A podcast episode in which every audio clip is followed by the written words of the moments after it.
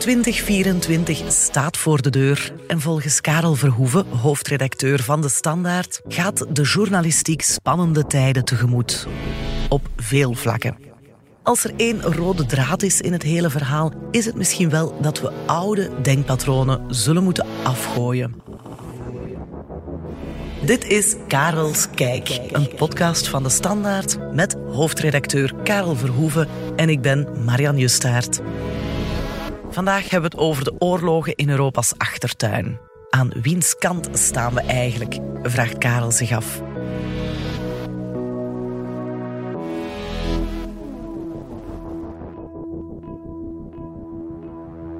Dag Karel, Dag welkom in de studio.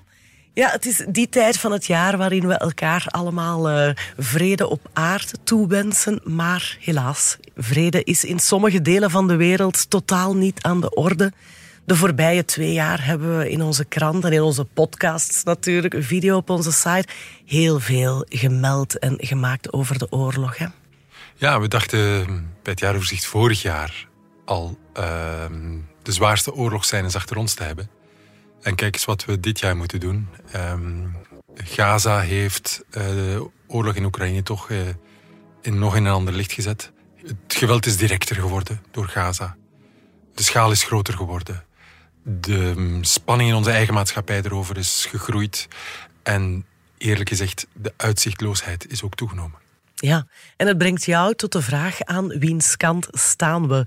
Belangrijke vraag, denk ik. Nu, ik dacht dat wij dat beslecht hadden, zeker wat die oorlog in Oekraïne betreft. Want toen eh, Poetin binnenviel, hè, 24 februari 2022, kozen wij toch eigenlijk meteen kant voor Oekraïne.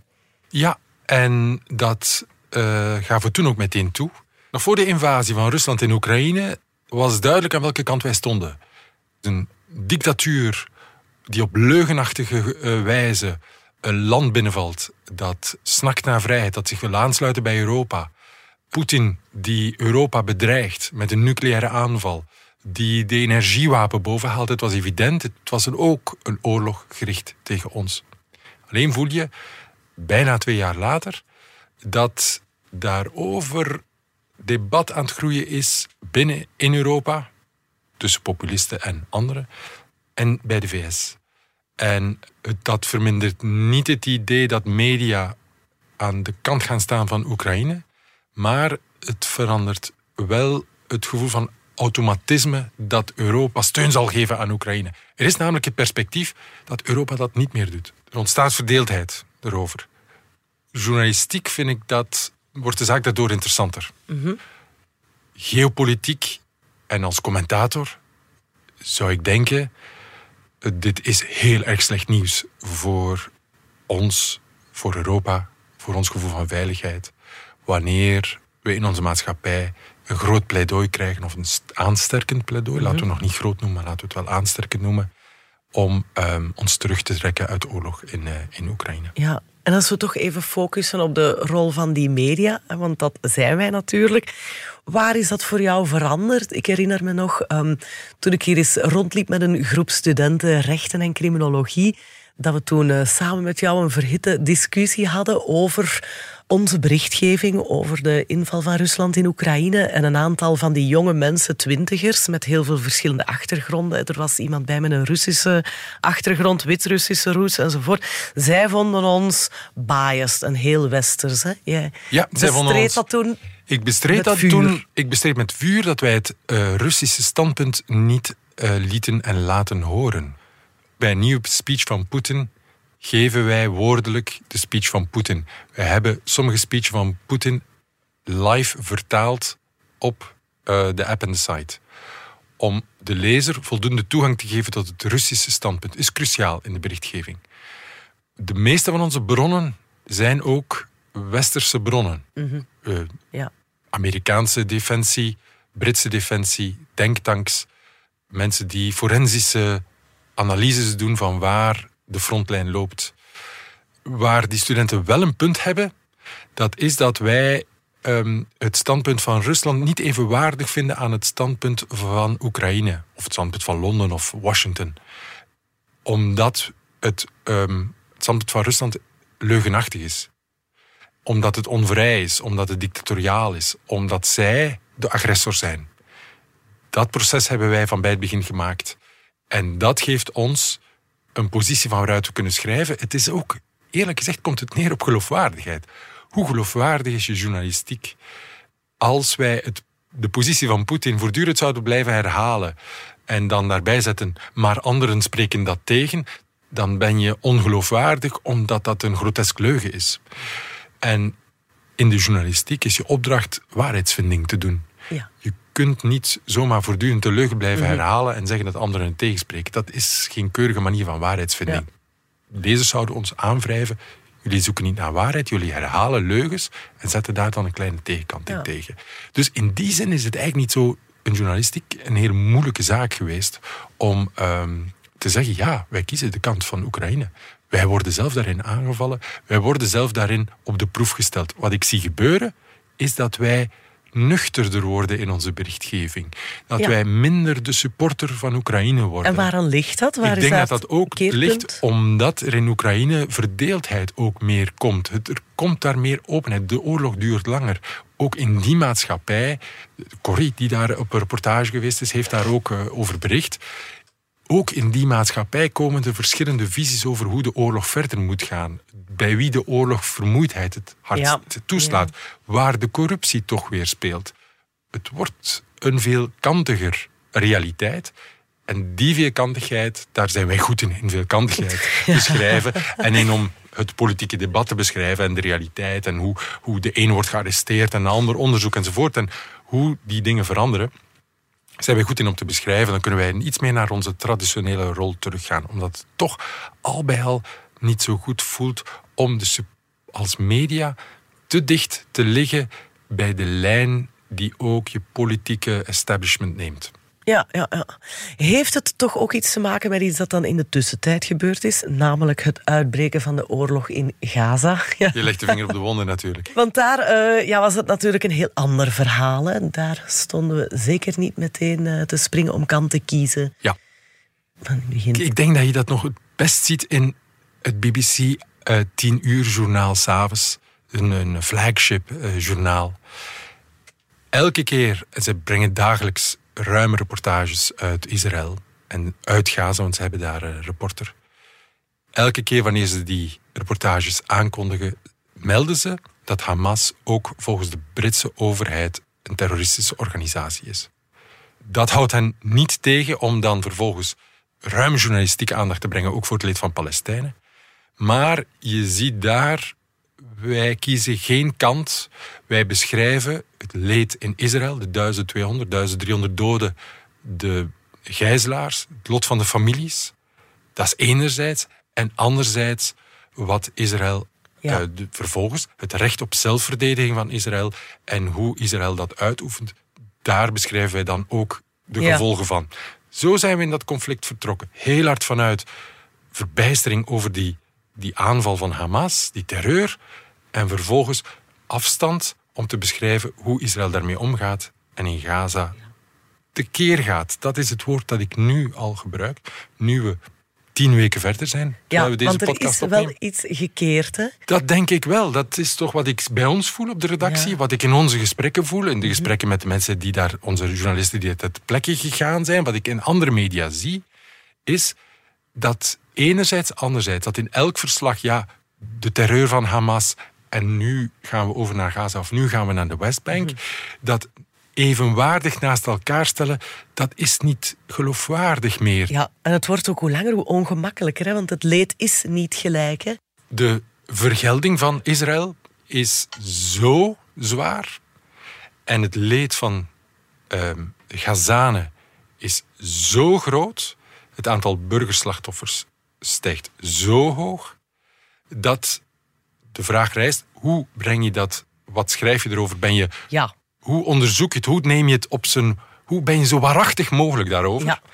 En die waarachtigheid, naar mijn gevoel, maakt deel van die waarachtigheid, is dat je daar ook verbijstering over voelt. ja. En zelfs, waar wij nogthans heel zuinig moeten over zijn, verontwaardiging. Ja. We moeten zeer zuinig zijn met verontwaardiging, maar soms kun je ja, voedt ze, is ze wel de stuurkracht van je, van je journalistiek. En alweer, alweer naar BBC wijzen, die toch heel hard proberen om de, de objectiviteit in persoon te zijn. Je kunt niet, geen goede journalistiek brengen. En goed, met goede journalistiek bedoel ik proberen inzicht te geven in wat er aan de hand is, zonder die emotionaliteit toe te voegen, die verbijstering over wat die mensen in Gaza aan het doormaken zijn. En met, het, met elke dag van extra bombardementen stijgt die. En je ziet het bij alle Europese media die allemaal... We hebben geen Europese consensus over hoe we naar Gaza en Israël kijken. Nee, nee, ja. Maar uh, je voelt alle Europese media met een veel groter ja, met een grotere emotionaliteit en met een grotere duiding kijken naar wat is daar in Gaza aan de hand. Absoluut. Want als, als journalisten klampen wij ons vast aan de feiten bijna. Maar mag ik dan zeggen dat we toch wat opschuiven richting... Uh, we moeten dan menselijke daarin krijgen. We zijn het bij ons verplicht. Het volstaat niet meer om enkel de feiten te brengen. Het wordt niet meer van ons gepikt, misschien? Ja, ik, denk, ik denk twee dingen hier. Ik denk dat je terecht wijst.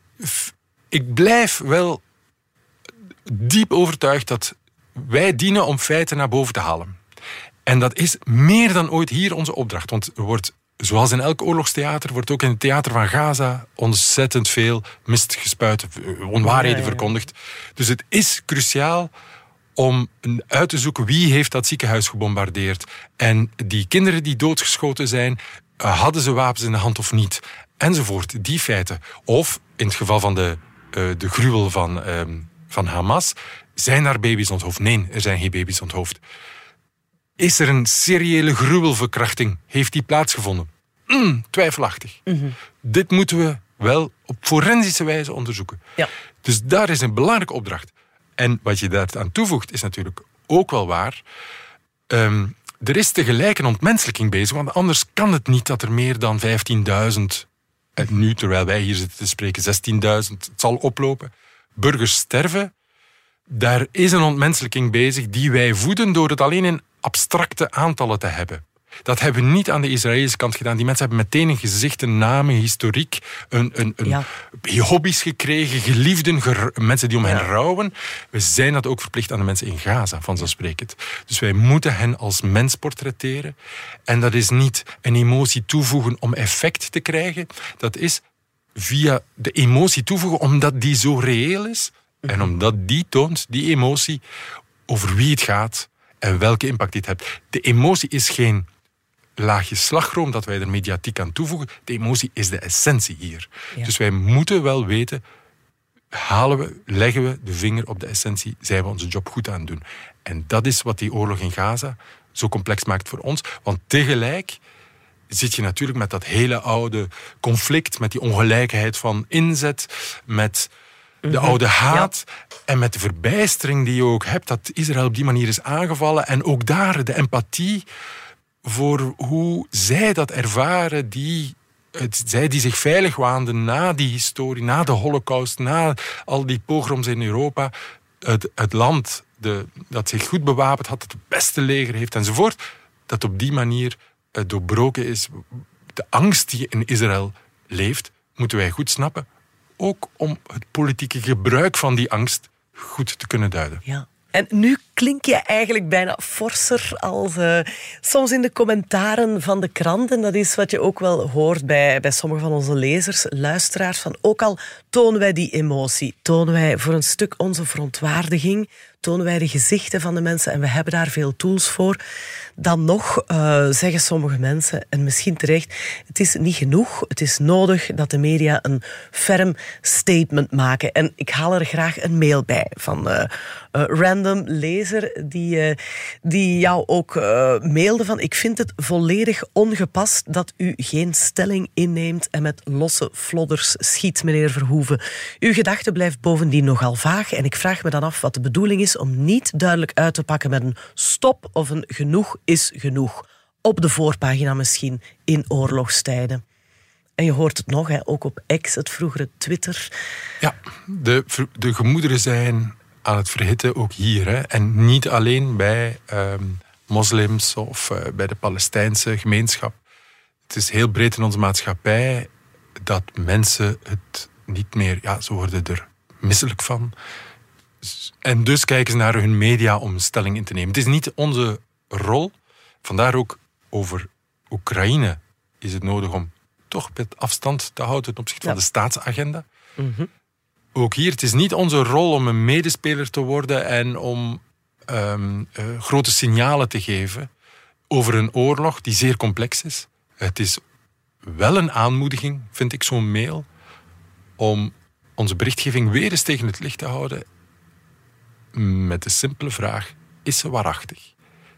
Raken we hier naar wat er echt aan de hand is of kijken we van iets weg? Durven we iets niet zeggen? Want het is natuurlijk zo dat je een, een soort van ja, politieke gemeenschap vormt en dat binnen die politieke gemeenschap er een soort van consensus is over hoe je naar iets kijkt. Hè? Kijk naar, we hadden de Oekraïne en we hebben Israël, Gaza. Je, je hebt een breder frame waarbinnen je jezelf aan het mhm. opereren bent. Nu, als het dan gaat over wapens leveren aan Oekraïne, waren wij met de standaard niet de grootste pleitbezorgers. Hè? wij hebben gepleit voor voorzichtigheid. Laat ik het anders formuleren. Met Europa hebben wij nog altijd geen helder einddoel gedefinieerd van wat wij in Oekraïne willen bewerkstelligen. Willen wij dat Oekraïne de Krim herovert? Willen we dat de Donbass heroveren? Willen we regimeverandering in Moskou? Dat hebben wij nog niet goed gedefinieerd. En voor je, als je in escalatie gaat, moet je weten waar je naartoe aan het gaan bent. En de vraag is ook, wil Europa, willen wij als maatschappij in escalatie gaan met Rusland? Ik vind het hele belangrijke vragen, omdat ook de VS willen niet rechtstreeks natuurlijk met Rusland in conflict gaan. Ja. En wij willen niet degene zijn die dan wel het conflict met, met Rusland opzoeken met Amerikaanse wapens om iemand anders gevecht. Nee, nee, wij moeten, wij moeten zelf weten wat we er willen bereiken. En daarom denk ik dat het lange tijd wijs was om voorzichtig te zijn, om ehm, de, de, de oorlogstrom te roeren. En ik blijf dat vinden. Ja. Maar er is wel iets veranderd, denk ik. Ja, ja want de, nu onderbreek ik graag. Ik herinner me hoe onze collega Dominic Minte, die de oorlog volgt in Oekraïne, uh, Dominic van de Buitenlandredactie op de redactiedag, vertelde hoe hij zelf ook is opgeschoven in zijn denken. En hij verwees naar een uitspraak van historica Sofie de Schaapdrijver in een interview met Knak, geloof ik. En zij zei, sommige oorlogen moeten gewoon gevoerd worden. Ik ben het ook gaan opzoeken en eigenlijk, ik vond dat zij ook wel een punt had. Ja. Ik denk dat we daar door de oorlog in Oekraïne bij gekomen zijn, ja. En ik moet zeggen, voor mijn eigen denken is dat een grote omwenteling. Niet omdat ik uh, geboren pacifist ben, maar wel van de generatie van 1989 eh, ben. Volwassen geworden na 1989, de val van de Berlijnse mhm. muur. Eh, eenmaking van Europa, uitbreiding van Europa, het oplossen van conflicten via andere middelen, het afbouwen van het militaire apparaat, van, van de legers. Onze generatie is politiek groot geworden ja, met het idee, er komt geen oorlog meer. Wij hebben andere manieren om conflicten op te lossen. Ja. Dus laten we nu ook niet sturen naar een nieuwe oorlog. Laten we zo lang mogelijk wachten met oorlogstrommen te roeren. Maar natuurlijk, als je geconfronteerd wordt met een regime als dat van Poetin en met de inzet en het bloed dat Poetin er tegenaan gooit, en de middelen en de, de gewikstheid en de, ja, de ondraaglijke aanval die hij doet, want dat is het wel, dan kun je niet anders dan besluiten: dit moet gestopt worden. Dit moeten wij stoppen. Niemand anders zal het doen. Wij zullen het moeten doen. En dan nog is het wijs om dat met grote terughoudendheid te doen. En daarom waren de Duitsers hier wel interessant. Tegelijk hebben zij hun defensiebudget enorm opgetrokken. Zij zijn de grootste promotoren van steun, zeker van Europa, aan uh, Oekraïne. Zij doen veel leveringen. En tegelijkertijd matigen zij de oorlogsretoriek vanuit historische banden met Rusland, maar ook vanuit de voorzichtigheid uit het centrum van Europa en natuurlijk een historisch bewustzijn. En ik denk dat dat voor ons wel belangrijk is. Ik hou liever van die Duitse positie, van de transatlantische positie van de VS, die van verder kijken en voor wie het een verder probleem is. Maar dat allemaal samengevat, ja, wij zijn in een nieuw tijdperk. Timothy Carter Nash schreef onlangs in de krant. Timothy Carter Nash is iemand van het tijdperk net voor 89, het verdeelde Europa. Hij is nog, hij is nog als student gaan reizen door Europa vol dictators. Dus hij heeft ons zien veranderen in een, in een liberaal uh, continent. En nu zegt hij, er is een nieuw tijdperk. na de inval van Poetin leven we in een nieuwe wereld. Alleen hebben we hem nog niet gedefinieerd. En we hebben er nog niet breed de gevolgen van getrokken. Dus Karel, tot slot, ik kom terug bij onze vragen van in het begin. Als ik jou dan vraag, wiens kant kiezen we? Wat moeten we ervan onthouden? De kant van... Dat is, dat is wat twee jaar oorlog ons toch geleerd heeft. Kant van de menselijkheid. Dat klinkt misschien banaal.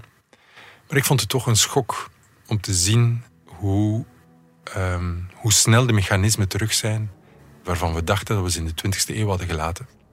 Mechanismen van massale leugens, van angst die door politieke retoriek wordt omgezet in haat, van blinde woede, vergelding en ontmenselijking. Want het is de enige mogelijke manier waarop de vleesmolen in, aan het front in Oekraïne kan blijven draaien, waarbij er een record aantal Russen sneuvelen. Er is gigantische ontmenselijking of waarbij in Gaza duizenden doden blijven vallen. En dan is het onze kant, aan de kant van de menselijkheid, en dat houdt in een iets juridischer positie, denk ik, in te nemen. Kant van de mensenrechten en het oorlogsrecht. Want als puntje bij paaltje komt bij het beschrijven van feiten en de vraag welke feiten vinden wij nu relevant om uit te zoeken en te beschrijven en die groot in onze platformen te brengen, dan moeten dan toch die feiten zijn waar verontwaardiging voor nodig is, omdat ze indruisen tegen de basis fundamentele rechtsregels waarvan wij als westerse maatschappij vinden dat ze het fundament zijn van onze beschaving. Karel, hartelijk bedankt. Jij bedankt, Marianne.